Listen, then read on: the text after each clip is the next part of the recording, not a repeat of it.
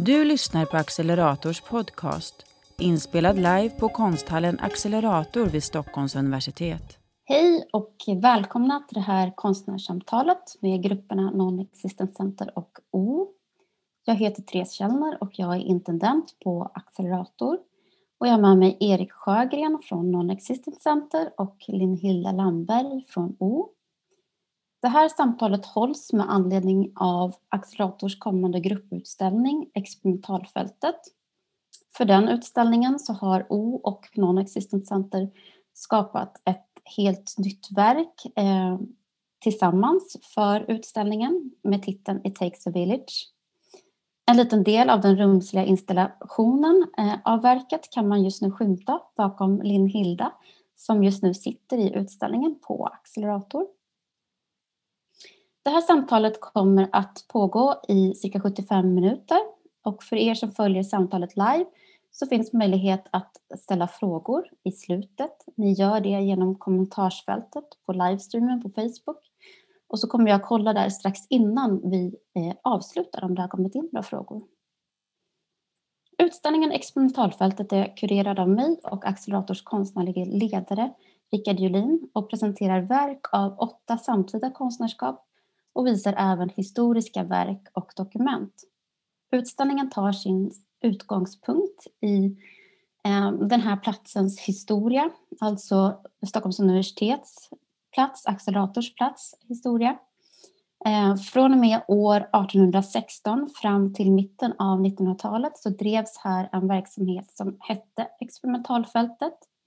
Det var en verksamhet som drevs av Kungliga Skogs och Lantbruksakademin och här eh, experimenterade man bland annat kring eh, djurhållning och odling. Eh, man testade olika grödor. Och syftet var att utveckla jordbruket i Sverige, att sprida nya rön kring jordbruksvetenskap och att verka för samhällsnyttan i stort. I utställningen så ryms tankegångar som rör en icke-hierarkisk relation till andra arter, vilket ju är en brinnande fråga i och med den klimatkris som vi är i och som aktualiserats än mer i och med den ehm, pågående pandemin som vi är i och som ju har ehm, startat på grund av hur vi människor förhåller oss till och har ehm, hanterat djur. Men frågan är ju också om hur vi människor relaterar till varandra i de här omvälvande tiderna som vi lever i med klimatkris, med eh, pandemi och inte minst den eh, polarisering som vi har sett öka starkt i samhället på senare år. Det här senare framför allt är någonting som O och Non-Existent Center har varit upptagna av i arbetet med deras verk It takes a village för experimentalfältet. Och eh, i det här samtalet så kommer vi fokusera på det här verket men vi kommer även att eh, gå igenom respektive grupps eh, intressen och metoder. Eh, innan vi sätter igång med lite frågor så tänkte jag kort presentera er, Linn-Hilda och Erik. Eh, Erik Sjögren är kompositör, ljuddesigner och konstnär från Bergslagen. Erik är en av de elva personer som ingår i gruppen Non-Existent Center. Gruppen äger och driver Ställbergs gruva som är en plats och verksamhet som ligger i Ljusnarsbergs kommun i Bergslagen. Erik är en av initiativtagarna och grundarna till Ställbergs gruva och en av tre verksamhetsledare och konstnärlig ledare för den. Eh, här drivs en konstnärlig, kulturell och social verksamhet som tar form som eh, större kulturproduktioner och långsiktigt utvecklingsarbete på platsen där de verkar. Gruppen producerar utställningar, körverk, publikationer, teater, festivaler, kollektiva vandringar, föredrag, konserter, residensverksamhet med mera, med mera. Det är en väldigt bred verksamhet som Erik får berätta lite mer om själv eh, snart.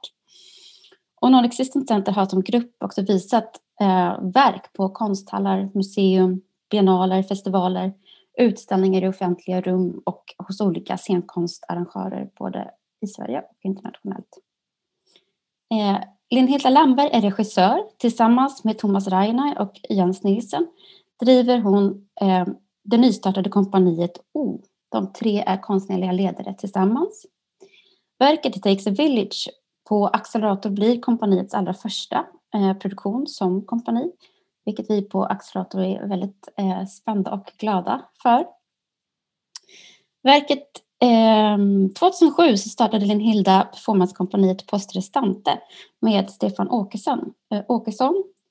Och eh, kompaniet var sedan verksamt i nästan 13 år eh, och presenterade allomslutande performanceverk i, i både Sverige och internationellt och hade också eh, arrangörer både inom scenkonst och bildkonst. Postrestante Restante arbetade, arbetade plats och situationsspecifikt och deras rum ägde, eh, eh, ägde rum i eh, bland annat kontor, övergivna kontor, hotell, kyrkor, gallerior, en kommunfullmäktigesal, ambassadvillor, kulturhistoriska byggnader och så vidare. På liknande sätt kommer O att arbeta, eh, allomslutande platsspecifika verk med stort fokus på besökaren och mötet mellan människor. Utöver sitt arbete med OST så doktorerar Linn Hilda i regi vid institutionen för scenkonst på Stockholms konstnärliga högskola. Ja, eh, Erik och Linn Hilda, eh, då tänkte jag att vi skulle börja prata lite just om verket eh, It takes a village på eh, Accelerator.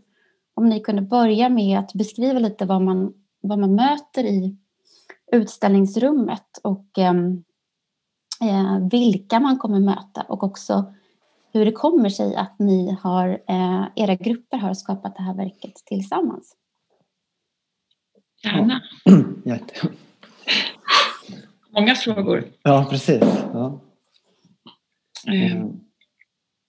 Vill du beskriva verket? Ja, precis. Jag tänker att jag kan, om vi börjar med vad det är man möter i utställningsrummet så är det i en form av just nu. Då. Vårt verk är uppdelat i två delar. Både en del av det är liksom en utställning, en installationssituation och sen så övergår verket efter en stund och blir mer ett performanceverk. Så jag tänker att jag visar eh, bilder från eh, hur det ser ut nu när den här arkitektoniska installationen är hur den ser ut just nu. Mm. Då ska vi se här, ska jag bara få fram. Så då hoppas jag att vi alla ser den här bilden. Så det här är alltså nere i Accelerators konsthall, en av deras stora hallar och här då så när man kommer in i en av hallarna så möter man den här bygdegården som vi har byggt upp inne i Accelerator. Så vi har alltså byggt ett rum i den här stora hallen. Eh, här ser man då, här kan man liksom stå och tjuvkika in i bygdegården och just nu under utställningsperioden eller när utställningsperioden är igång så kan man inte gå in i den här, i den här bygdegården. Eh, här inne så har vi liksom då, ja, scenografiskt jobbat och det är det rummet som Linn Hilda då sitter i just nu. Eh, och byggt upp den här bygdegården som sedan mera ska befolkas och av det här byalaget som jag tänker Linn Hilda kan berätta mer om sen. Mm. Ehm, men ska vi följa med runt här och visa nästa? Bara för att få en, liksom en situation här. Och då kommer vi Eh, till baksidan av den här bygdegården man ska säga. Och här har vi då byggt upp en, en reception, en mottagningsplats dit man som besökare kan nu under utställningsperioden när den då öppnar eh, komma och ansöka om att få träffa byalaget eh, och lämna in ett ärende. Men jag tänker också att det, vi tar det när vi har gått igenom själva det här liksom, det rumsliga för att få en bild av hur det faktiskt ser ut här. Vad är det för någonting man orienterar sig i som besökare? Eh, som ni ser nu så är det förkedjat eh, det här. Byalaget är stängt nu för besökare. De har inte öppnat, de tar inte emot ännu. Så det är igenbommat. Men här inne så ser det ut så här. Det är träpaneler och eh, diverse upphängningar för kläder och en brandsläckare. Och så är det ett eh, laminatgolv pålagt på ekparketten här. Och här är ungefär samma utsnitt fast lite bredare där Linn-Hilda sitter. Så, mm. så här ser det ut nu och den här tanken är att liksom under utställningens gång så kommer liksom bygdegården att materialiseras mer och mer. Det kommer komma in mer möbler och ja, den kommer byggas upp under tid. Men jag tänker du kanske vill ta vid där Linda och fortsätta berätta liksom Absolut, gruppen. Ja. Eh, ja, Eh, ja, precis. Som, eh, eh bygdegården materialiseras steg för steg och sista steget är att själva byalaget eh, är på plats. Och det är en grupp av personer som på något vis vi tycker är värda vårt förtroende. Och de kommer hålla stämma under en tid. Och de kommer eh, möta besökaren en och en.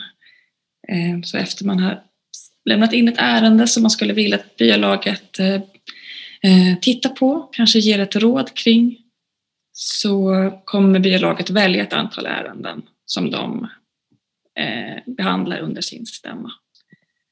Och då blir man inkallad en i taget, får träffa dem själv. Just det, och det är det... en hel grupp eh, personer. Som en grupp, ja. Mm. Precis. Ett lag. Ja. Och, och, och för att ansöka då och lämna in ett ärende så, så går man till den här receptionen då och eh, fyller i en blankett och lämnar i en brevlåda. Ja, Just det. Mm. Så som ett litet förtydligande så är det alltså så att ehm, när den här, den här experimentalfältet öppnar så eh, då kommer inte byalaget börja att hålla sin stämma direkt utan det är en bit in i utställningsperioden och där är inte ehm, exakt datum för byalagets stämma eh, satt riktigt än i, i det här, idag när vi spelar in det här. Nej. Nej. precis. Okej, ehm, men jag tänkte att vi kunde uppehålla oss vid just det här med um, byalaget och eh, eh, Eh, dess stämma, vilka de är. Eh, och eh, eh, ja, men att ni har skapat ett byalag. För att om man tänker tillbaka vid den tiden som experimentalfältet grundades, alltså i eh, början av 1800-talet, eh, så var ju Sverige ett eh, bondesamhälle. Det var Eh, innan eh, industrialismen och urbaniseringen verkligen hade tagit fart. Och vid den här tiden så ehm, hade ju byalagen i samhället en, en stark position, ofta en juridisk eh, eh funktion. Och ehm, jag tänkte höra om ni kunde liksom berätta lite om just ehm,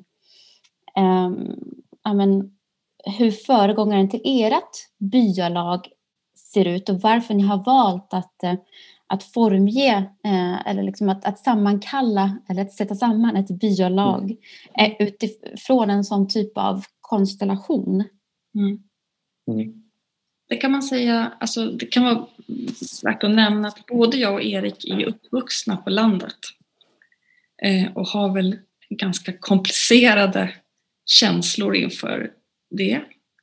Ehm, och eh, där kan jag väl känna att eh, eh, jag, eh, själv, jag, jag började liksom längta efter en plats som lyfte kanske mindre akademiska eller mindre alltså, kompetenser eller erfarenheter som normalt sett inte är hög status. Det vill säga till exempel att ha genomgått en livskris eller att ha rehabiliterat sig efter en ryggskada eller eh, ja, livets erfarenheter. Eh, och jag kunde känna att på landet Eh, dels finns det liksom en statusrelation såklart mellan stad och land men sen även på landet finns det en statushierarki kring vems erfarenheter som är värdefulla och vems plats, vem som har plats i den typen av gemenskaper. Att ofta så är det för att man har en stor andel i en bryggförening eller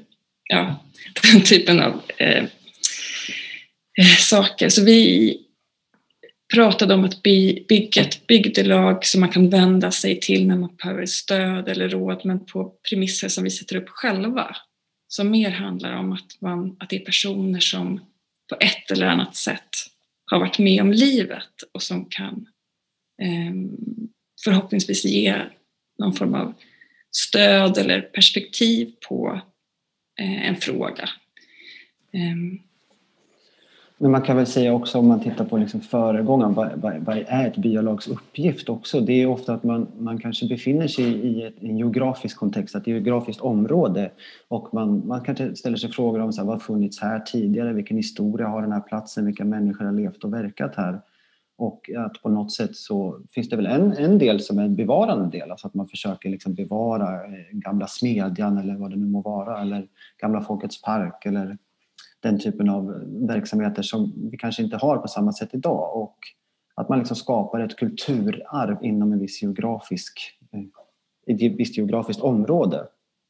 Och då, det som vi på något sätt tänker när vi pratade, Linhilda, i början, så här, ja, men vad betyder det? Hur kan man översätta det? Och det är väl det du är inne på. Hur kan man översätta det till eh, någonting annat? Och, vad, och, vad, och då började vi prata om andra saker, andra värden än det där just bevarandet av en ting eller ett objekt eller av en plats eh, som, som har ett kulturhistoriskt värde. Och försökte vi hitta idag, vad, kan, vad vill vi mötas kring? Vad upplever vi? Vad upplever vi att vi skulle vilja möta i ett sånt här byalag? Och, och få stöd och titta på och gemensamt skapa en yta att vara i och verka i. Så mm. det är väl liksom en så här, vad är ett byalag? Vad kan vi som konstnärer göra med form? Alltså hur kan man ta en formidé och förändra innehållet i den formidén? Det, det tänker jag vi pratar mycket om. Eh, varför just den här eh, varför byalaget var en intressant form. Så här, för att man, man vårdar någonting, men vad är det man vårdar? Liksom? Ja, ställa sig den frågan i det där. Och, och ja. världen är intressanta för oss. Jag kan också tycka att byalaget är en intressant så här, semiverksamhet mellan något samhällsmässigt och något privat. Alltså att det är samhälle, det fungerar som samhället, men det är också privatpersoner. Eh, och, eh, och jag tror att när vi först blev tillfrågade om det här projektet så av massa olika anledningar så hade vi anledning att fundera på vad, sam, vad ett samhälle har för slags uppgift gentemot medborgarna och vilken typ av kompetenser det är, eller vilken typ av eh, vad det är man vill ha från samhället, vad man önskar sig. Mm. Jag skulle vilja, alltså det du börjar prata om Lenhilda, apropå att liksom, var man kommer ifrån och att eh, nej, när du börjar med att presentera också att liksom, eh, Erik, att ett byalag ofta är samlade kring en geografisk eh, plats. Um, jag skulle bara vilja ställa följdfrågan just, alltså jag vet att relationen um, stad och landsbygd är någonting som är um, centralt eller som har varit det för, för er i utvecklingen av uh, verket. Kan ni utveckla det lite kanske och, och liksom um, alltså för ert byalag är ju, kommer ju inte från en bygd eller hur? Nej, inte, nej, inte ett geografiskt område, så är det ju. Den, den, den, det existerar på helt andra premisser. Och där geografin absolut egentligen inte, den spelar ingen roll geografin på ett sätt. Men, eller det gör den, men inte just det specifik ruta geografi. Geografin spelar jättestor roll men inte på det sättet liksom, som är en begränsning eller vad man ska säga i det här fallet. Eh, men jag tänker att alltså hela den frågan för mig handlar jättemycket om det som Linn-Hilda är inne och pratar om. Eh, alltså det handlar om vilka erfarenheter, vilka kunskaper och kompetenser lyfter vi fram och vilka kompetenser och kunskaper finns på landsbygden och kontra staden och att de ofta ställs mot varandra som två olika typer av kunskaper. Vilket jag tycker ofta och, då blir det hela tiden att man stannar upp i att, att landsbygden hela tiden säger se oss, hör oss och staden säger ah, vi vill inte riktigt. Och, och, och det blir liksom en, en, det blir en så konstig debatt när man hela tiden måste vara liksom för eller emot i det och så är det med de flesta områden men här blir det väldigt specifikt istället för att man ser relationerna och det mer cirkulära i de här, de här uppställningarna mellan stad och land att de är, det ena är inte mer eller mindre beroende av det andra. Att det krävs Nej. en växelverkan. Nej, och där, där, precis som alla ska säga, minoriteter eller särskilda röster eller alternativröster så upplever jag också att landsbygden lider av en förenkling, att man bara har råd med en, en typ av röst. Så är det ju ofta även för inom feministiska frågor eller alltså vad som helst. Att, eh, att, man för, att identiteten landsbygd förenklas. Eh, jag kan uppleva att eh, ifall landsbygden är osynliggjord så är till exempel kvinnor på landsbygden eller eh, personer som har en annan annat ursprung som var på landsbygden liksom dubbelt eller trippelt osynliggjorda. Så för oss handlar det också om att nyansera begreppet av så här, vilka är som är landsbygden. Det är inte enbart eh, vita män, det är massa eh, olika personer. Mm. Ja, men och sen handlar det också om alltså värde. Vem, vad är värt något för vem? Alltså vem mm. bestämmer vad ett värde är också i, i, de, i, den här, i de här frågorna? Och det mm. tänker jag alltid ju längre bort från centrum eller makten du är, desto mindre kan du påverka vad som är värt något. Och, och där är ju ett jättestort problem. Att det, ja, du, du, alltså, vad räknas för vem och vad? Liksom. Det är helt olika beroende på vart du befinner dig i landet eller i världen. Liksom. Men, men, det, men det tycks kanske inte alltid vara så i samtalet eller i debatten. Nej. Och där kan man ju känna så nu i den här situationen som vi är i nu med pandemin där liksom allting det finns en stor oro kring framtiden och verksamheter går väldigt illa. Och, um, så jag tänker den här typen av situation, den har ju många orter levt med länge av andra skäl. Uh, och uh, jag kan tänka mig att det finns personer som har ganska mycket att säga om hur en kan hantera den typen av ovisshet eller hur man orkar med det och får sitt liv att ändå kännas meningsfullt eller formulera egna riktningar och sådär. Ehm, så, eh, så för oss känns det angeläget därför. Men, men också skulle jag säga att det har att göra med hela... Detta visste vi inte, pandemin visste vi inte när vi skrev. Det är någonting som har hänt och som jag har behövt ta in. Ehm, men där kunde jag känna eh, överlag när vi skrev att eh, det var en tidpunkt där eh, vi båda två av olika skäl var med om omtumlande livshändelser. Eh, jag kunde känna som en sån oerhörd längtan efter att prata med människor som hade varit med om livet på ett eller annat sätt. Kanske inte hade en identisk upplevelse som den som jag var mitt uppe i, men som på något vis kunde ge ett perspektiv på vad liksom en, hur lång tid tar det att eh, processens stor förändring. Eh, hur, vad är tecknen på att man börjar ta sig ut på andra sidan och så. Mm. Ja, för vi började ju prata, vi också började ju prata om eh, It takes a village eh, för flera år sedan, alltså långt innan eh, eh pandemin.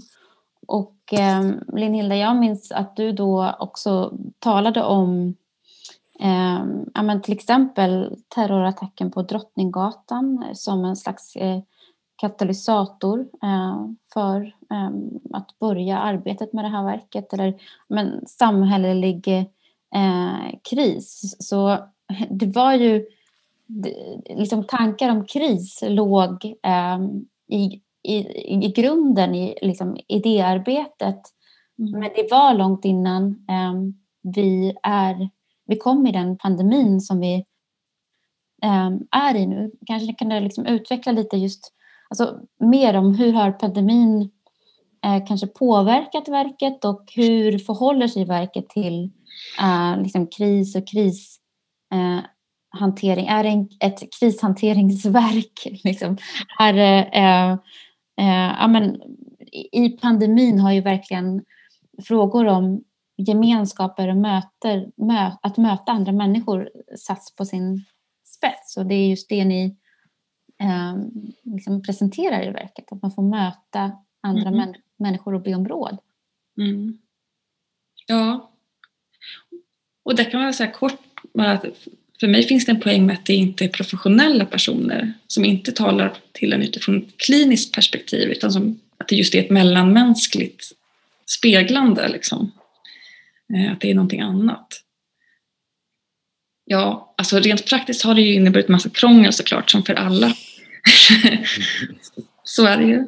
Mm. samtidigt så tänker jag att vi kanske är fler än vanligt som eh, känner en längtan efter att dels möta människor överlag men också kanske att många av oss är i lägen där vi behöver ställa oss massa ganska komplicerade frågor kring framtiden.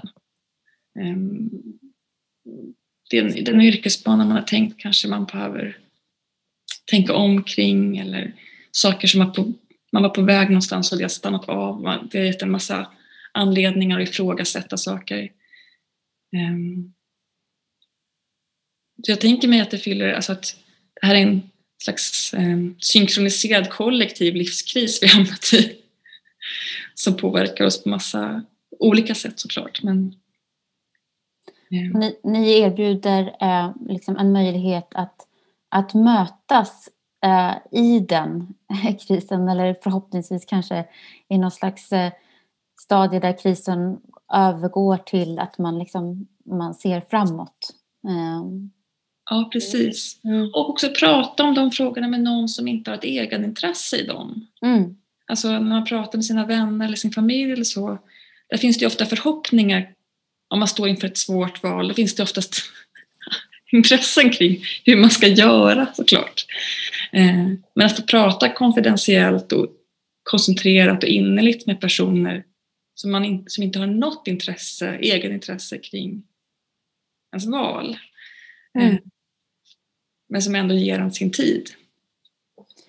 Jag tänker när du säger att det liksom inte är professionella, eller man ska säga, så undrar jag eh, lite mer om varför det är, vad gör det att upprätta den här platsen och den här eh, verksamheten just på accelerator? Eh, på, eh, varför är det särskilt intressant att upprätta det här på eh, universitetet som plats och i utställningen eh, experimentalfältet. Mm. Mm. Ja. Men jag tänker, alltså det, det är lite på något sätt, man, jag tänker, vad, vad är, jag tänker accelerator befinner sig på Stockholms universitet och på Stockholms universitet produceras det väldigt mycket kunskap och det ligger i Stockholm som är en, en en centralmakt i Sverige. Eh, och jag tänker redan där så tycker jag att det börjar hända jättemycket saker i språket. Att vi säger att här, men vi ska ha ett byalag på det här, i den här konsthallen på det här universitetet där den här kunskapen som är, produceras liksom till vardags. Liksom. Det är jättemycket det, och det är en akademisk kunskap i, i stor utsträckning. Och man får, det är forskare som forskar på olika, diverse olika ämnen och praktiker. Och jag tänker att det som händer där är ju också det här mötet, att man flyttar in mötet med de här konnoteringarna man får med sig av ett byalag och landsbygden också. Och att just det handlar om den kunskapshierarkin och eh, vad som händer i det liksom uppstår i det. Det tycker jag. För mig ligger det som en, liksom, en ram som bäddar in verket och det gör det ännu, tycker jag, att det, det är intressant att möta det på konsthallen. Liksom eller i den kontexten som också, också då blir den stora kontexten Stockholms universitet. Och, ja, och där tycker jag att det, ja, men att det finns något intressant där och sen också att experimentalfältet är en utställning som, som också vill testa grejer, att det är en språngbräda mot den historien som, som du introducerade Therese här i början liksom också. Att det var att, att testa sig fram och, och att liksom, det, finns, ja, det finns olika kopplingar på olika plan. Mm, helt enkelt. Och att samtidskonsten är fri att göra så här. Det är ett rum för samtidskonst där det finns oändliga möjligheter. Här får vi gå in som konstnärer och säga att vi ska starta ett byalag dit man kan få komma och få råd. Annars så kanske man skulle säga att ja, men, eh, det här är en vårdinrättning eller vad är det? Liksom? Och då behövs det en annan typ av legitimation. Eh, mm. Och, och, det är också väldigt roligt eh, att samtidskonsten har den möjligheten. Tänker jag också. Så det spelar också jättestor roll. Att ja, det är det här men det är också konst men det är också på fullt allvar i konsten. Mm. Ja, ja, verkligen. Det är, det är i alla fall helt uppriktigt. Ja, ja precis. Ett helt uppriktigt försök. Ja. ja, men ni går ju liksom in i, i vad ska man säga, hjärtat av um, liksom certifierad kunskap kanske man kan säga. Liksom, mm, mm. Eh, centrum för eh, långa eh, kunskapstraditioner och, kunskapande. Eh, mm. och ehm, ehm, ja, men, liksom en, där det finns också väldigt starka hierarkier kring eh, kunskap. Och jag tänker på det här som du säger Linn-Hilda med att, att lyfta liksom den, den levda erfarenheten ehm, eh, här på den här platsen. Är det någonting som ni känner, liksom, um, ja, men, känner saknas i allmänhet? Att ni liksom, eh, ja, människor som var med om livet som, som du. Eh, mm. Mm. Ja, eh, ja, verkligen. Jag, jag tänker också att det finns så tydliga, alltså rent eh, ekonomiska eh, tecken på det. Alltså att viss, erfaren, viss kunskap som är väldigt svårt att få på annat sätt än genom att praktiskt leva eh, och utföra det yrket. Eh, men som inte avlönas Eh, i proportion till hur svårt det är att skaffa sig den kunskapen. Jag tänker inom vård eller inom omsorg till exempel. Där liksom, det tar år för att komma till en punkt där du med trygghet kan göra svåra avvägningar kring en patient eller en student eller eh, ett barn eller så. Eh, att det... Vi vill ju verkligen... Alltså, jag kan ju längta efter att i alla fall initiera ett sådant samtal kring så här, vems, vilken typ av kunskap ger vi erkännande för att jag upplever att det faktiskt också har rena eh, mm, ekonomiska konsekvenser för människor, hur deras kunskaper värdesätts. Förutom allmänt självvärde som också är viktigt. Mm. Men sen också tror jag att det, för att koppla på det, alltså, men att jag tror också att det finns en brist på den typen av mötesplatser överhuvudtaget. Att också om man tittar på, alltså jag, jag tror att vi liksom, att det finns få platser som existerar där vi kan mötas och samtala på de här sätten och mötas om man tittar på, jag kommer inte ihåg att jag läste det, men just också hur det ideella engagemanget minskar i Sverige, föreningslivet minskar, vilket mm. gör att där skapar man träning på att lyssna på varandra, man skapar tillit, man håller, jobbar med överenskommelser mellan varandra och, och, och, där också olika människor möts från olika bakgrunder. Men idag kan du i större grad du kan köpa dig till professionell fotbollsträning för dina barn så du behöver inte stå och sälja kakor och dela livet med en annan förälder eller så. Mm. Och jag tänker att det är ett jättestort problem för att man, det är, alltså där, när vi inte möts på det sättet som i de här olika kontexterna i samhället så, så, så kan vi ju främja oss mycket mer för, från varandra. Alltså, och, då, och, då, och det jag inte har relation till, det tänker jag att jag inte behöver bry mig om. Och då skapar vi högre empatimurar för lyssnandet och att och mötas. Jag tänker att det är, är först i mötet med den andra jag också ser mig själv. Så det är på något sätt som att vi försöker undvika oss själva mer och mer. På något märkligt sätt. Och det kan man väl säga, det är väl liksom vårt skäl som konstnärer till att vi tycker att platsen är intressant. Men sen kan jag väl också känna att alltså jag, eh, jag förhåller mig ofta till, till verken som utifrån att det är ett verk som jag själv skulle ha velat få. Eh, lite grann på de premisserna som vi konstruerar eller jobbar. Ehm, och där kan jag väl känna att platsen, jag föreställer mig att eh, en plats där det är jättemånga människor som ofta är kanske i början av sitt eh, yrkesliv eller arbetsliv, eh, som kanske är tillresta till Stockholm, som har mm, sina rötter någon annanstans från massa olika länder, från massa olika delar av Sverige jag föreställer mig att det finns, att de bär många frågor kring sina liv. Jag gjorde det i alla fall i den åldern. Eh, så det är också ett skäl till att det är en bra plats. Mm. Apropå det att, liksom, att en, en, eh, en plats eller en verksamhet som du själv skulle vilja möta. Jag, alltså i till exempel jag tänker på for, formatet, att, det liksom, att ni hämtar eh, en, eh, ett format som finns, eh, en gruppering som finns i samhället. Och i, bland annat i Posterestantes eh, verk så lånade ju också verken form av olika verksamheter som finns i samhället där människor möts på olika sätt. Eh, verken tog form som liksom föreningsträff, kick-off, eh, kommunfullmäktigemöte, anhöriglinje, telefoncafé och så vidare. Och även Non-Existent Center eh, har i verk, till exempel i eh, ett verk som vi tidigare arbetat på för några år sedan i Eksjö som heter Den goda missionen i Eksjö tog form av en, en eh, kvällskurs. Um, och um, eh, jag undrar om ni kan berätta lite om det här valet att liksom hämta en förebild utifrån någon typ av existerande uh, verksamhet som finns i samhället men att liksom på något sätt tweaka den och um, um, ja, arbeta ut, utifrån en sån form. Mm.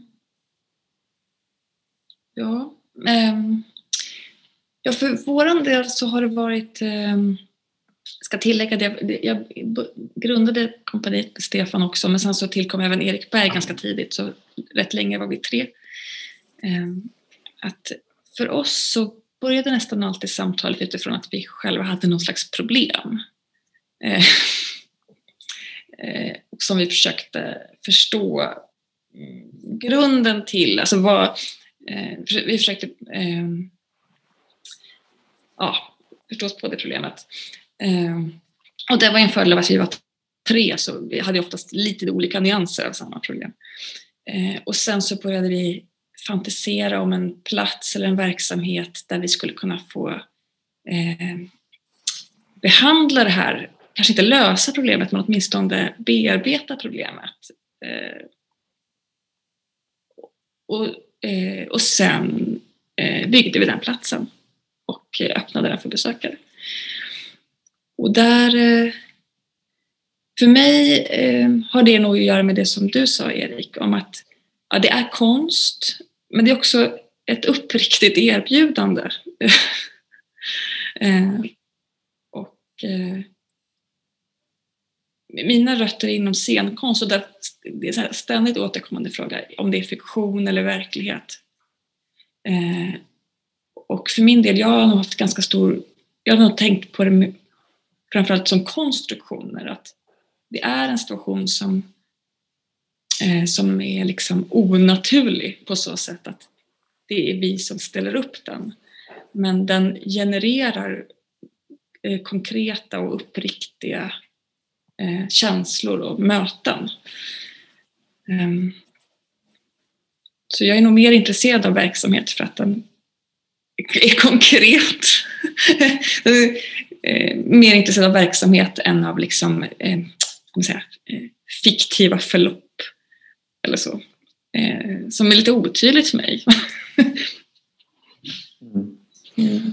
Mm. Ja, men det finns väl en liknande i vår praktik för jag tror att vi snarare kanske inte börjar i, i inre problem på samma sätt utan vi kanske mer ut, tittar efter problem, försöker kolla på maktstrukturer i ett samhälle på, eller på en plats och skapa en fråga eller problem därifrån och låna väldigt, en fråga från sociologin. Liksom, varför just nu och varför just här? tror jag vi ofta brukar börja när vi jobbar som här i Ljusnarsberg så jobbar vi, har vi verkligen jobbat väldigt aktivt med området här, den här kommunen men också regionen och omnejden och så.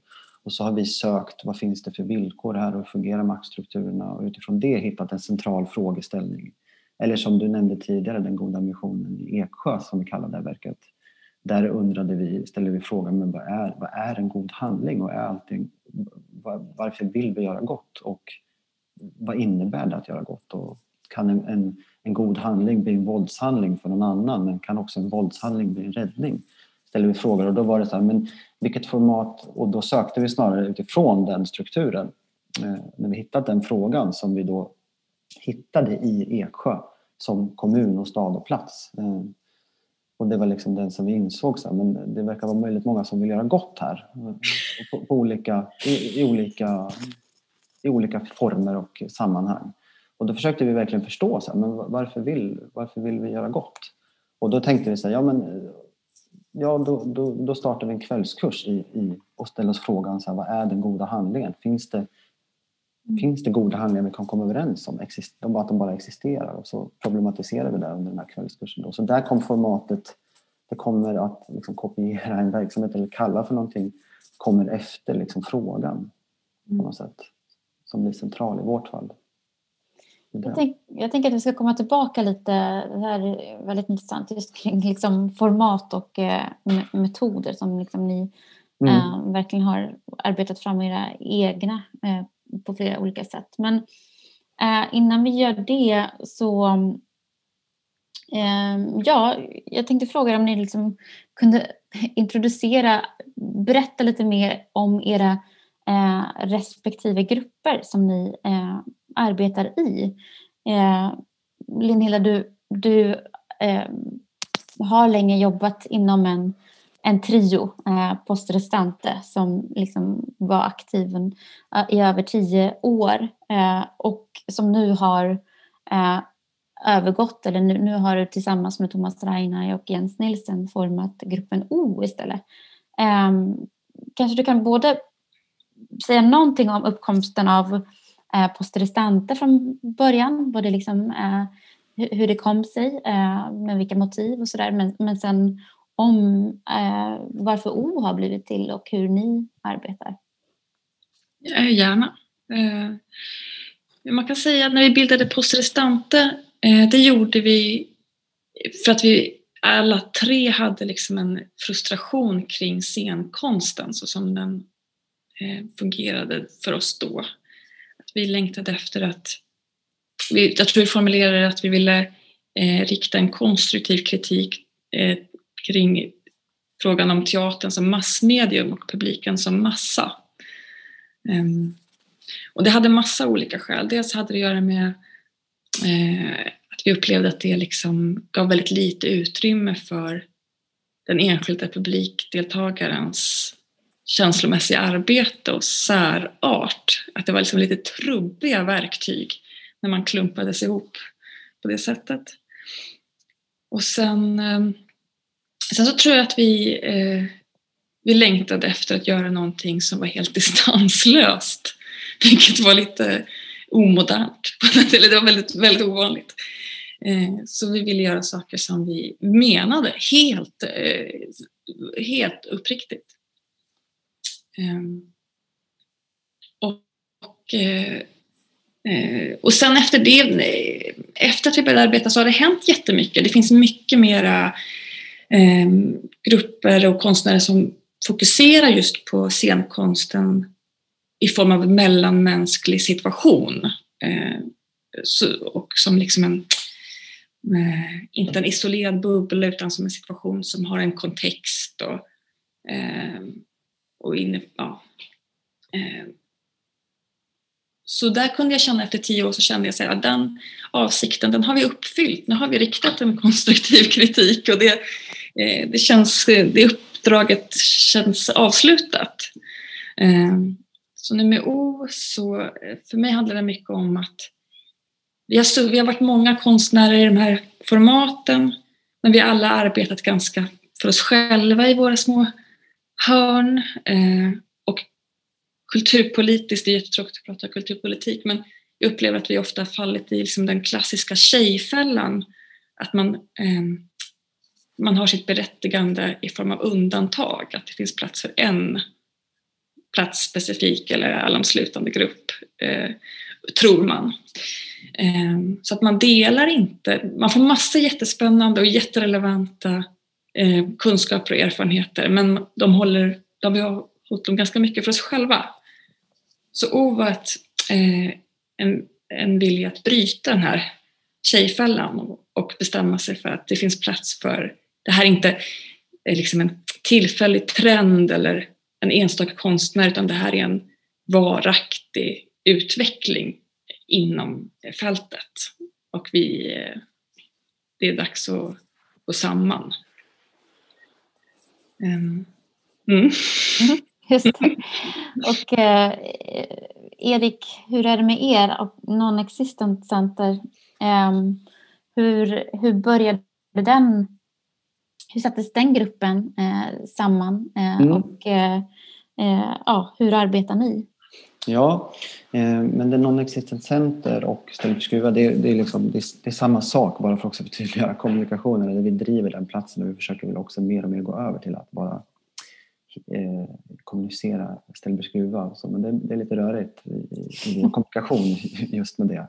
Eh, nej men, eh, Ställbergs gruva och Non-Existent Center började ungefär 2011 som en idé om att, att eh, då bodde jag i Göteborg och jag och min bror pratade om att eh, ja, men dels en längtan hem men också att skapa en plats där vi kunde autonomt bjuda in konstnärer och jobba och bli konstnärsdrivna och konstnärsägande och självorganiserade. Som ett, liksom, också som någon typ av, kanske för egen del, att inte känna sig hemma i de konstrummen just där och då, i den åldern och den situationen jag befann mig i då.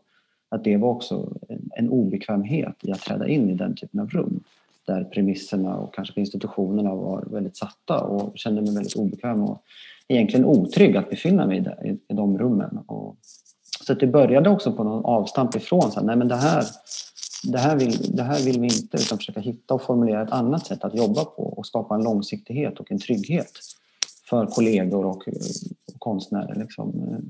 Så att 2012, 2011 så åkte vi runt i Bergslagen då som jag också kommer ifrån och även bor numera i sen i höstas igen.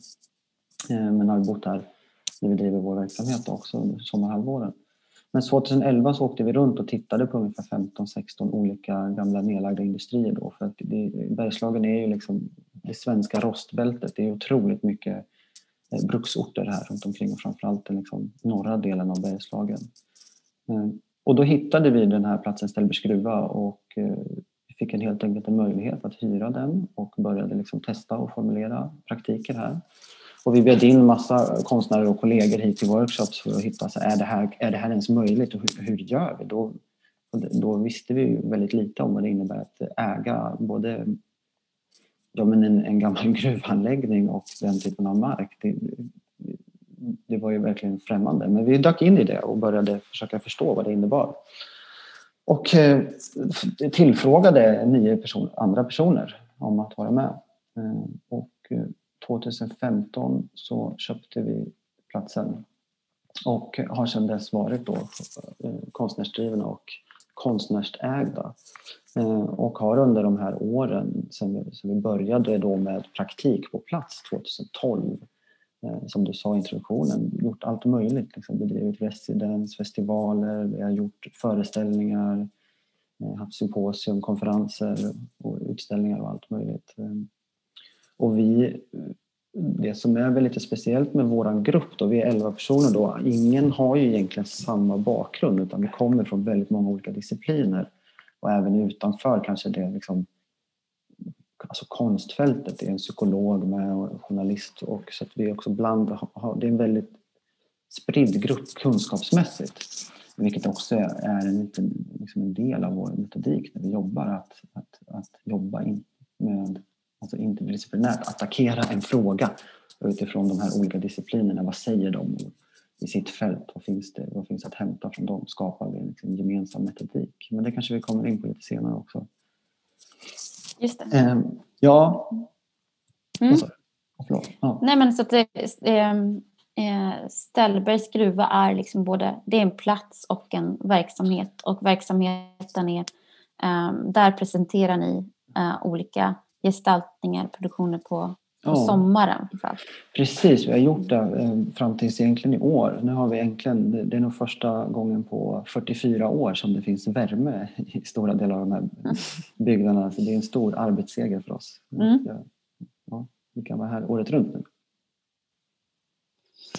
Um, ja, men jag tänkte att vi um, uh, kan, kan fortsätta lite att just prata om liksom, de arbeten eh, ni har gjort, era grupper har gjort eh, och liksom eh, ja, men, återkommande frågor eller in, intressen som har liksom, eh, existerat i era produktioner och eh, eh, verk. Mm.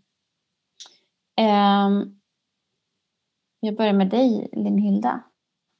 Um, ehm, jag menar, ehm, jag har jag, vet inte, jag tror jag har upplevt kanske postrestant, äh, fyra postrestanta verk.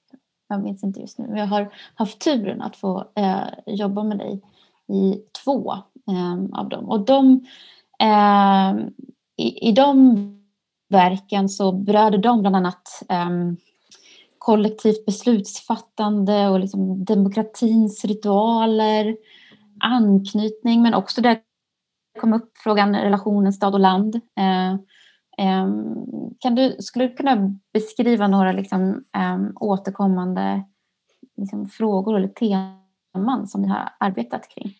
Mm. Eh, det kan jag säga, ibland är det politiskt, mer politiska frågor, ibland är det kanske mer personliga.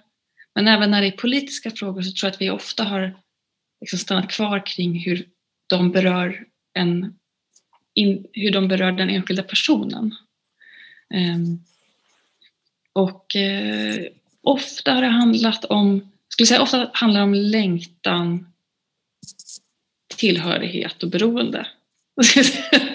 Eller jag skulle säga det handlar alltid om det på olika sätt. Um, och, um, och, för oss har det liksom varit, eh, det, utmaningen för oss har ju varit så här, vi vill berätta, eller vi vill behandla de här frågorna, det kan till exempel handla om så här, längtan efter att tillhöra en gemenskap och rädslan för att bli eh, kvävd av en gemenskap. Till exempel som i eh, Kamratföreningen Leviatan eller som i den här njutningens ekonomi. Längtan efter att eh, eh, släppa loss och eh, skräcken för vad som händer om man eh, låter sig släppa loss. Njutningens ekonomi var en rehabanläggning för de av oss som har eh, svårigheter kring att ha kul. Man fick eh, gå igenom enkla men för många av oss väldigt utmanande övningar i att dansa på bordet och sjunga karaoke och sånt. Ehm, ehm, och då möter ju publiken de frågorna eh, inte genom en liksom representant som gestaltar dem utan genom att själv på olika handgripliga sätt hantera frågan i konkreta situationer eh, och komma fram till de sakerna som är relevant för den personen.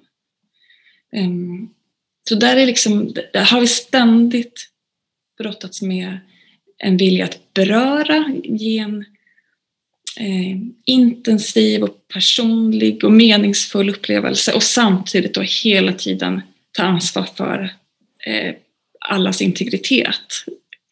Eh, så det har liksom varit en ständigt, om våra inomverksliga teman har varit längtan, anknytning, beroende så skulle jag säga temat för arbetet för oss har nog varit eh, eh, har varit, handlat om eh, hängiven, hängivenhet och integritet. Ja. ja bra sammanfattning. Eh, men, eh, jag vet ju att ni har liksom, alltså det, men som du säger, det hämtar ofta från liksom, eh, att, det, att det kan komma från eh, psykologi eller eh, politisk teori eller mytologi mm. som ni liksom, där det börjar formuleras dilemman på något sätt. Mm. Eller hur?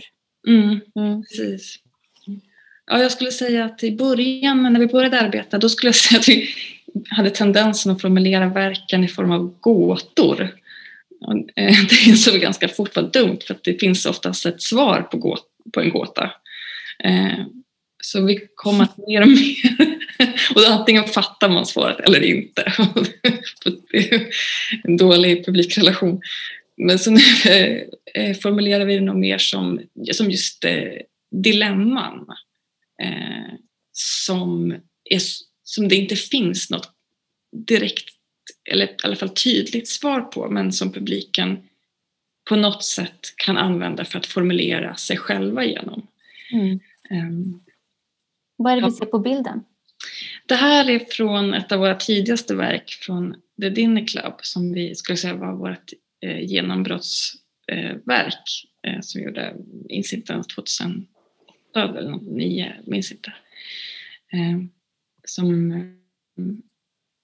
eh, eh, som, jag, som jag ska säga var ett ganska typiskt, eh, typiskt verk för oss att vi kände liksom en diskrepans mellan våran kön, hur vi upplevde vår könsroll som person men vårt beteende, att vi betedde oss mer eh, stereotypt än vad vi identifierade oss som. Så det här Dinner Clubban kvällskurs i normativt beteende eller så som den marknadsförde sig. Att hur du har det trevligt med främlingar.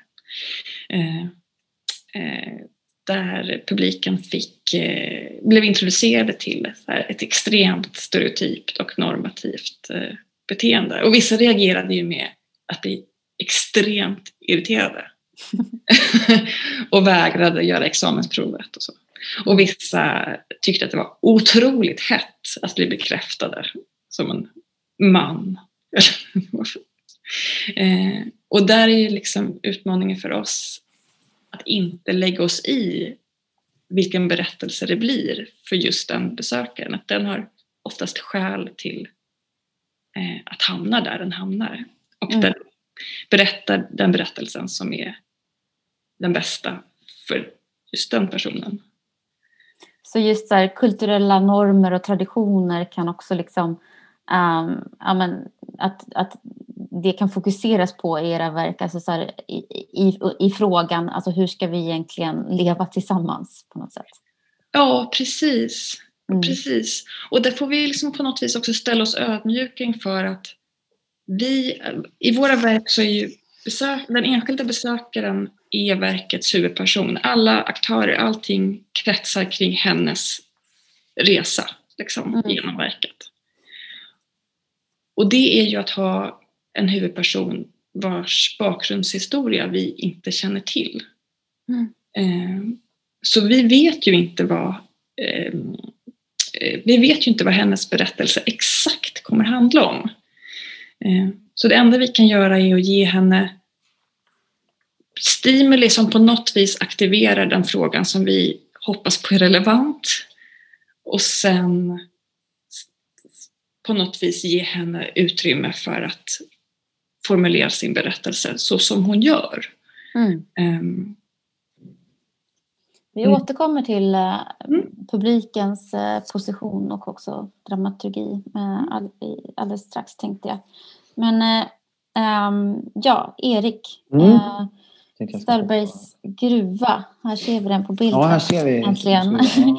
och alltså jag, jag, kollade innan samtalet på er webb lite och mm. här beskriver ni er verksamhet som en gestaltande samhällsundersökning eh, eh, och att Ställbergs gruva vill vara en plats där de stora frågorna blir personliga och det personliga del av de stora frågorna. En plats för lärandet, tvivlet och det levande. Kollektivt och individuellt, existentiellt och politiskt. Exempel på frågor är vilka behövs, kunskaper behövs i en värld där klimatet snabbt förändras. Hur kan vi lära oss gemensamt? Um, kan du berätta lite om det här och just det som jag liksom introducerade i början om liksom er väldigt breda verksamhet, att den här gestaltande samhällsundersökningen tar sig i så många olika um, former och vad är det som det liksom, vad är gemensamt för de här olika ja. formerna? Ja. ja, men precis. Jag tänker att liksom vi försöker se den här platsen och eh, den verksamheten som vi bedriver och de människorna som kommer in och ut ur den. Vi har ju väldigt många olika aktörer som är inne och jobbar med den under kortare perioder och längre perioder beroende på ekonomi och projekt för tillfället eller man ska säga så. Men vi försöker väl se helheten som att vi försöker vara någon typ av existentiell behållare där frågor om ja, men om människorna, pengarna och planeten är centrala och vilka villkor vi alla är dikterade under och vilka maktrelationer som styr vår tillvaro och vardag och vad vi ges för utrymme och i livet att verka och vem vi, vi ställer oss mycket också frågan, men vem, alltså, vad är målet för vem när vi gör saker? Det är liksom också en så central startfråga. Och sen börjar vi försöka analysera och bjuda in människor till att liksom titta hur ser dina livsvillkor ut och hur kan vi ombesörja dem? Och utifrån det så hittar vi det som jag sa tidigare, liksom centrala frågor och frågeställningar. Och sen, sen hur det här blir i praktiken, det, det, kommer nästan alltid i andra hand. Att vi har gjort både liksom en dokumentärteater som vi kallar för ett, gammalt, eller vi kallar för ett, eh, ett bygdespel, ett, kanske ett modernt bygdespel. Vi har gjort busscharter, vi gör vandringar ut i skogen i naturreservat. Vi, har också gjort liksom en, vi gjorde det här för, för 2019 så bjöd vi in kompositörer och gjorde ett specialskrivet verk, ett sex timmars verk, en sex timmars konsert. Så det tar sig väldigt olika uttryck och hur vi jobbar och hur vi jobbar med personer, eh, dels konstnärer men dels eh, personer som absolut inte skulle vilja kalla sig som konstnärer. Och vilka frågor uppstår i de mötena. Och det är väl det vi försöker liksom på något sätt så här, men vad, alla de här incitamenten eller infallen och impulserna eh, som vi försöker dra in i mot verksamheten. Vad blir det där? Vad ser vi? Vad kan vi kartlägga? Och vad kan vi förstå utifrån från det? Så det är väl där någonstans vi försöker kalla det här. Ja, men det är en gestaltad samhällsundersökning. Vi vill förstå mer eh, över det här. Hur ser det ut? Hur har det sett ut historiskt? Hur kommer det se ut i framtiden? Men, men, och och liksom frågorna däremellan. Varför blir det så här? Och varför uppstår de här situationerna? Och, och vi menar på att det vi kan titta på här på, i Ljusnarsbergs kommun så kan vi liksom titta, det är ett väldigt mikro, men zoomar vi ut det så ser vi det liksom i makrot med. Det är samma tendenser, det är samma pengar på ett sätt som rör sig genom landskapen. Det är bara de ser olika ut på olika platser och de får olika konsekvenser på olika mm, beroende på vart i världen de hamnar och så. så det är väl någonstans där vi försöker liksom jag försöker bearbeta vad är relevant att göra och prata om idag gemensamt tillsammans med andra. Mm. Och, och utifrån det så bjuder vi in olika människor att delta. Och att det inte är nödvändigtvis vi som måste formulera frågan. Eh, det, det kanske är ännu viktigare att det inte är vi som ställer, oss, ställer frågan, att inte vi står i det rummet och ställer frågan. Den kanske måste komma någon helt annanstans. Mm. Jag, har, eh, jag, jag måste säga att jag, jag har läst liksom flera av era verk som att det, det finns några kärnpunkter kring liksom, um, ja, men, uh, demografi, demografi uh, och mm. uh, migration och som du säger liksom, e e ekonomi i stort och mm. att um, ja, men just att verka på den här platsen mm. kommer ju sig av ett intresse för hur liksom, eh, landsbygden ser ut idag, vilka människor som bor här och hur eh, ja, men det, det ansvarstagandet som civilsamhället eh, tar idag i en, eh, på orter där, där liksom, eh, många samhällstjänster har ehm, liksom flyttat ut eller försvunnit. Att det, att det, även Ställberg är ju, det var en liksom blomstrande gruvort på 70-talet och idag mm. är det 90 personer. Det är mycket som liksom, eh, på ett sätt blomstrar men också haltar kan man säga, eller hur? Ja, men visst och så är det ju. Och det, jag, det beror liksom på, jag tänker om man, om man tittar på det här geografiska området som jag kallar för Bergslagen så har det sett ut på ett helt annorlunda sätt. Och specifikt för Ljusnarsbergs kommun på ja, 60 och 70-talet så bodde det ungefär det dubbla mot vad det bor idag i kommunen. Så det, det har blivit en total Eh, värde och kapitalförstöring på den här platsen av all infrastruktur som har funnits, alla byggnader, industrier, Folkets park, idrottsanläggningar som bara, det är en total rasering av kapital också på en sån här plats. Och kvar står de här tomma såren och det är klart att där, där i så finns det en otrolig konfliktlinje i, i svensk historia och svensk samtidspolitik. Vad, vad, ska vi göra med det här då? Är det värt någonting? Mm. Ska vi ha kvar det här och, och varför och för vem? För vems skull? Och där finns det jättemycket intressanta frågor att gräva i. Du kan titta på det strukturellt men du kan också titta på det individuellt. Hur känns det att hela tiden stå i det här som man kanske kan kalla såret? Och samtidigt är det viktigt, vi pratar alltid om att vi måste stå i såret. Vi, kan aldrig, vi, får inte, vi får inte pensla över det och göra det vackert. Att då får, går någonting förlorat, då förlorar vi minnet. Och, och, och, det, och det, är jätteviktigt som, som att, att, få stå kvar i det där. Men man måste också bryta sig loss och ta sig ur det för det är så lätt att liksom men jag tror att många upplever vår plats som också väldigt deprimerande, att den är väldigt tung. Och den är en tung plats, det är en tung patriarkal plats på ett, på ett sätt. Liksom. Men den bär ju så mycket andra historier med. Det är bara att det är inte den centrala bilden vi kanske har av bruksorten i, i media idag eller vad det är som skrivs om det idag. Det är, googlar man just Narsberg och liksom de kvällstidningarna så ser man vilka rubriker det är. Mm. Det är slående hur den berättelsen ja, och det med... skapar en plats också. Och vad händer med människorna i den platsen? Det är väl det mm. vi framför allt är intresserade av och vilka globala strukturer har skapat de här rörelserna. Jag tänkte att vi skulle prata just om människorna. Ehm, mm. Jag vill bara säga det där apropå att stå kvar i såret. Ni har ju också ett väldigt liksom, eh, långsiktigt, alltså för er är det väldigt viktigt att det är långsiktigt att vara på den här platsen, eller hur? Mm. Ni har liksom ett eh, commitment om att vara där minst i alla fall till 2070. Precis. Mm. Ja, och 2070 är ju ett datum vi har fått fram för att eh, Dagens Samhälle gjorde en kalkyl på när, vilka, vilka kommuner i Sverige kommer först ut och där Ljusnarsberg var en av de första kommunerna att raderas som administration. Eh, och det året var 2070. Och då tyckte vi att det var eh, det var en väldigt intressant ståndpunkt att säga så här, men okej, men då kan vi bara existera till 2070 och skapa liksom ett spjärn mot det datumet. Och, för vad betyder, och det blir intressant, vad betyder det att existera och ätas upp? Det förmodligen kommer det ätas upp av en grannkommun och bli en stor kommun eller region. Men det finns något intressant där, för att man säger också att ni ska dö och det säger man då till människorna som bor här.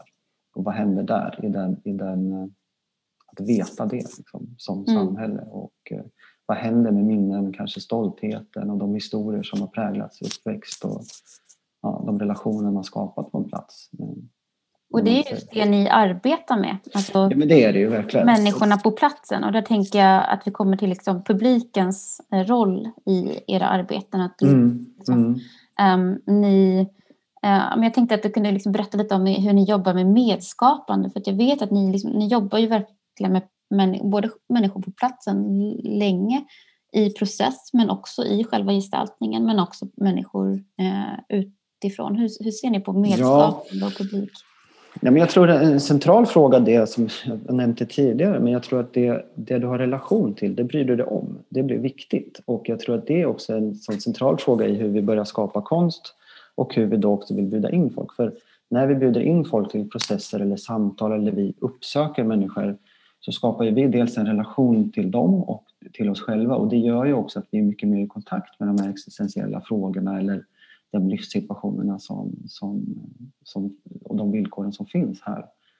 Och det är väl för oss alltid har varit ja, men väldigt viktigt att just ha relationer. Att, att verk, verken eh, och den verksamheten vi har bygger på relationer. Att det handlar om att skapa med, inte komma och ta. Alltså att det, det ska finnas liksom ett, ett möte i det och som är väldigt centralt för oss. Att vi inte bara kommer och tar, eh, tar en berättelse eller eller liksom utnyttja den positionen. Och där ligger också det här löftet om att ja, men vi kan säga till 2070, det är det vi vet. Att det är också ett löfte om en relation, att vi ska finnas här på plats och, och, och verka.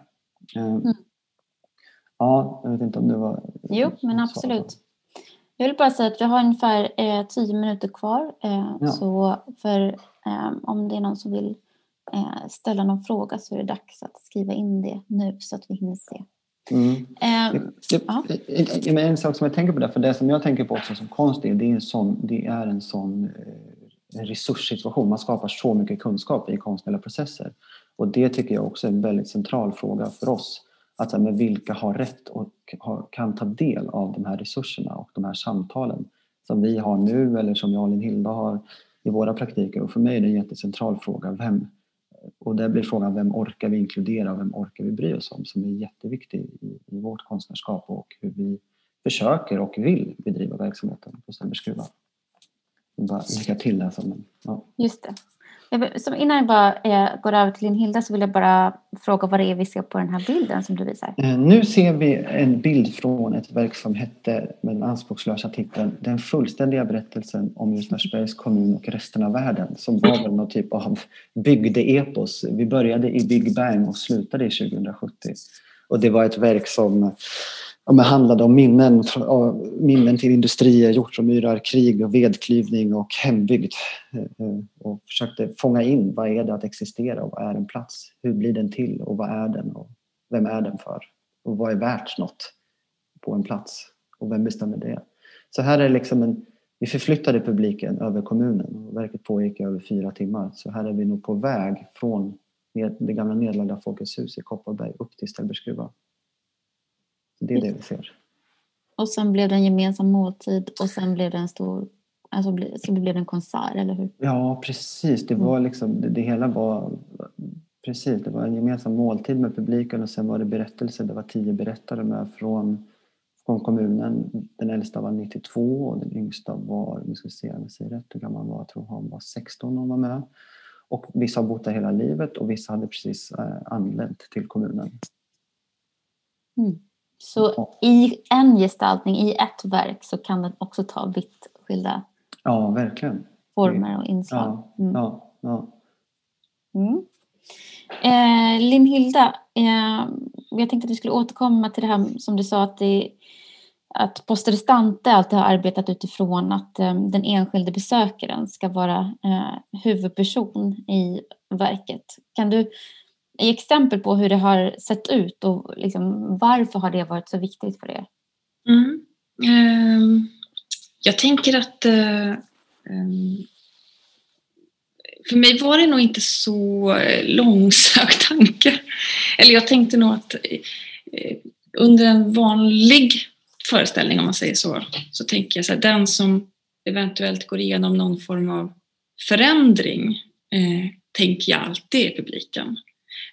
Skådespelarna har repeterat, de har varit med om de här scenerna förut och haft liksom sina processer, kanske i repsal. Eh, och författaren är oftast inte ens där och regissören sitter i publiken och har sett det hundra gånger innan. Så jag tänker den som där och då är med om någon form av känslomässigt arbete är djup, eller i alla fall är tänkt oftast, om allting går bra så är det publiken. Så för oss var det nog bara ett sätt att så här, eh, ta det arbetet på extremt stort allvar och formulera situationer som helt och hållet handlar om publikens arbetsvillkor. Um. Vad är publikens arbetsvillkor? Jag tänker att Ja, det finns många saker att titta på där. Dels tänker jag att publiken måste förstå sin arbetsplats. Förstå hur den fungerar, hur den kan använda den. Eh, det måste också förstå sina rättigheter, tänker jag. I de här verksamheterna som ni sätter upp? Ja, precis. Mm. Så att den kan liksom reglera sitt deltagande och sin, hur mycket den investerar känslomässigt utifrån tillförlitlig information. Ehm, Sen kanske den inte ska bli för distraherad heller, så våra aktörer ska är till för att underlätta eh, arbetet och inte ta distraherande fokus eller så. Mm. Eh, och sen kan jag väl också ha någon slags, liksom, så som du också pratar om Erik, alltså för mig är det också viktigt att så här, vem äger sen frukten av det arbetet? Det kan ju vara ett problem inom både communityformat eller deltagande i scenkonst att publikens upplevelse görs till objekt mm. eh, som sen ingår inom katalog eller fotodokumentation som, som behandlas liksom som det, det är egentligen det som är verket. Eh, och för oss har det varit jätteviktigt att, eh, att ifall det är publiken som arbetar så måste det vara publiken som äger sin upplevelse sen efteråt. Just det. Och jag, tycker det som, jag tycker det som har varit så, som också har följt Post Restante och, ert arbete, det finns en otroligt demokratisk aspekt av det också tycker jag, att hur man närmar sig ett verk, att man också att man, blir både tolk, man är både tolkare och, och blir tolkad. Ja just det, man är både huvudperson och eh, uttolkare. Precis, och det tycker jag det öppnar upp för en helt annan, ja, men det, blir, det är demokratiskt att kolla på konsten. Eller Ja. Det tycker jag är en, en fin aspekt av det. Men att ge det här ehm, liksom, äh, dramaturgiska äh, ähm, utrymmet till äh, publiken. Mm. Det är att vi har bara ett par minuter kvar så det här är min, min avslutande mm. fråga. Så det, det är ju liksom väldigt långt ifrån traditionell scenkonst, manusarbete och sådär. Och ni har båda, som jag pratat om nu, liksom rört er väldigt mycket mellan liksom, eh, samtida konst, bildkonst, eh, musik och, och, så vidare. Och om, så, som en liksom avslutning eh, skulle jag vilja höra från er båda lite hur ni, liksom, alltså hur ni har utvecklat era metoder och vad, hur ni liksom, eh, ja, men situerar er i liksom en, en mer eh, av de olika konstfältens eh, kontexter på något sätt. Den lilla frågan. Jag tänker rent konkret och kort kan jag säga så här, om man förhåller sig till situationen som en relationell situation så måste man förhålla sig till de förväntningar som finns. Och där är såklart, alltså, gallerirummet har vissa förväntningar. Eh, där är även ett litet mått av deltagande upplevs som stort för att vanligtvis så är din kropp så åtskild från det som du betraktar. Du kanske har en tanke eller ett resonemang eller um, men det är väldigt sällan som man är inblandad personligen. Um, så uh, så för mig, det, det skulle jag säga eh, är som ett kort svar att, att, att förväntningarna är liksom högst närvarande i när vi skriver. Mm. Um. Erik, vill du ja, men jag, metoder? Ja, men jag tänk, alltså om man tänker i relation till publiken på det sättet så tänker jag att det handlar om att hela tiden ta, som vi pratar om, att vara uppriktig och visa omsorg för att kunna öppna upp för någonting annat. Att, vilket jag tänker att det gör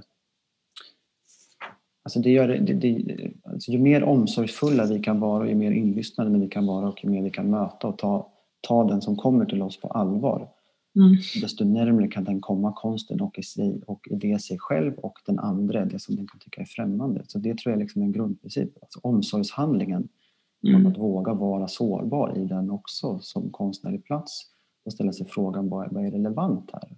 Mm. Och återigen, vad är målet för vem? Liksom? Att det är någonting att när du ställer den frågan då, kan du inte, då måste du ställa andra följdfrågor och flytta perspektivet och flytta blicken också. Jag tror att det är det det handlar om, att liksom försöka förstå det. Liksom. Jag brukar ibland tänka att vår uppgift är att ta publiken på allvar tills hon gör det själv. Ja, precis. Fina avslutningsord ja. faktiskt. Det var en bra, mm. bra, bra punkt. Eh, ja, då vill jag avsluta med att säga bara att liksom, eh, vi hoppas ju på att kunna eh, Eh, välkomna publik till accelerator och experimentalfältet snart. Eh, det är inte i dagsläget klart om när, men eh, håll utkik i våra kanaler och sociala medier så kommer det annonseras och även om när man har möjlighet att möta det här byalaget i It takes a village på Accelerator. Tack till Hilda och till Erik och tack till er som har varit med och lyssnat idag. Mycket. Du har lyssnat på en podcast från Accelerator inspelad live på konsthallen Accelerator vid Stockholms universitet. För att ta del av vårt program, prenumerera på vår podcast och besök Accelerators hemsida acceleratorsu.art där du även kan prenumerera på vårt nyhetsbrev.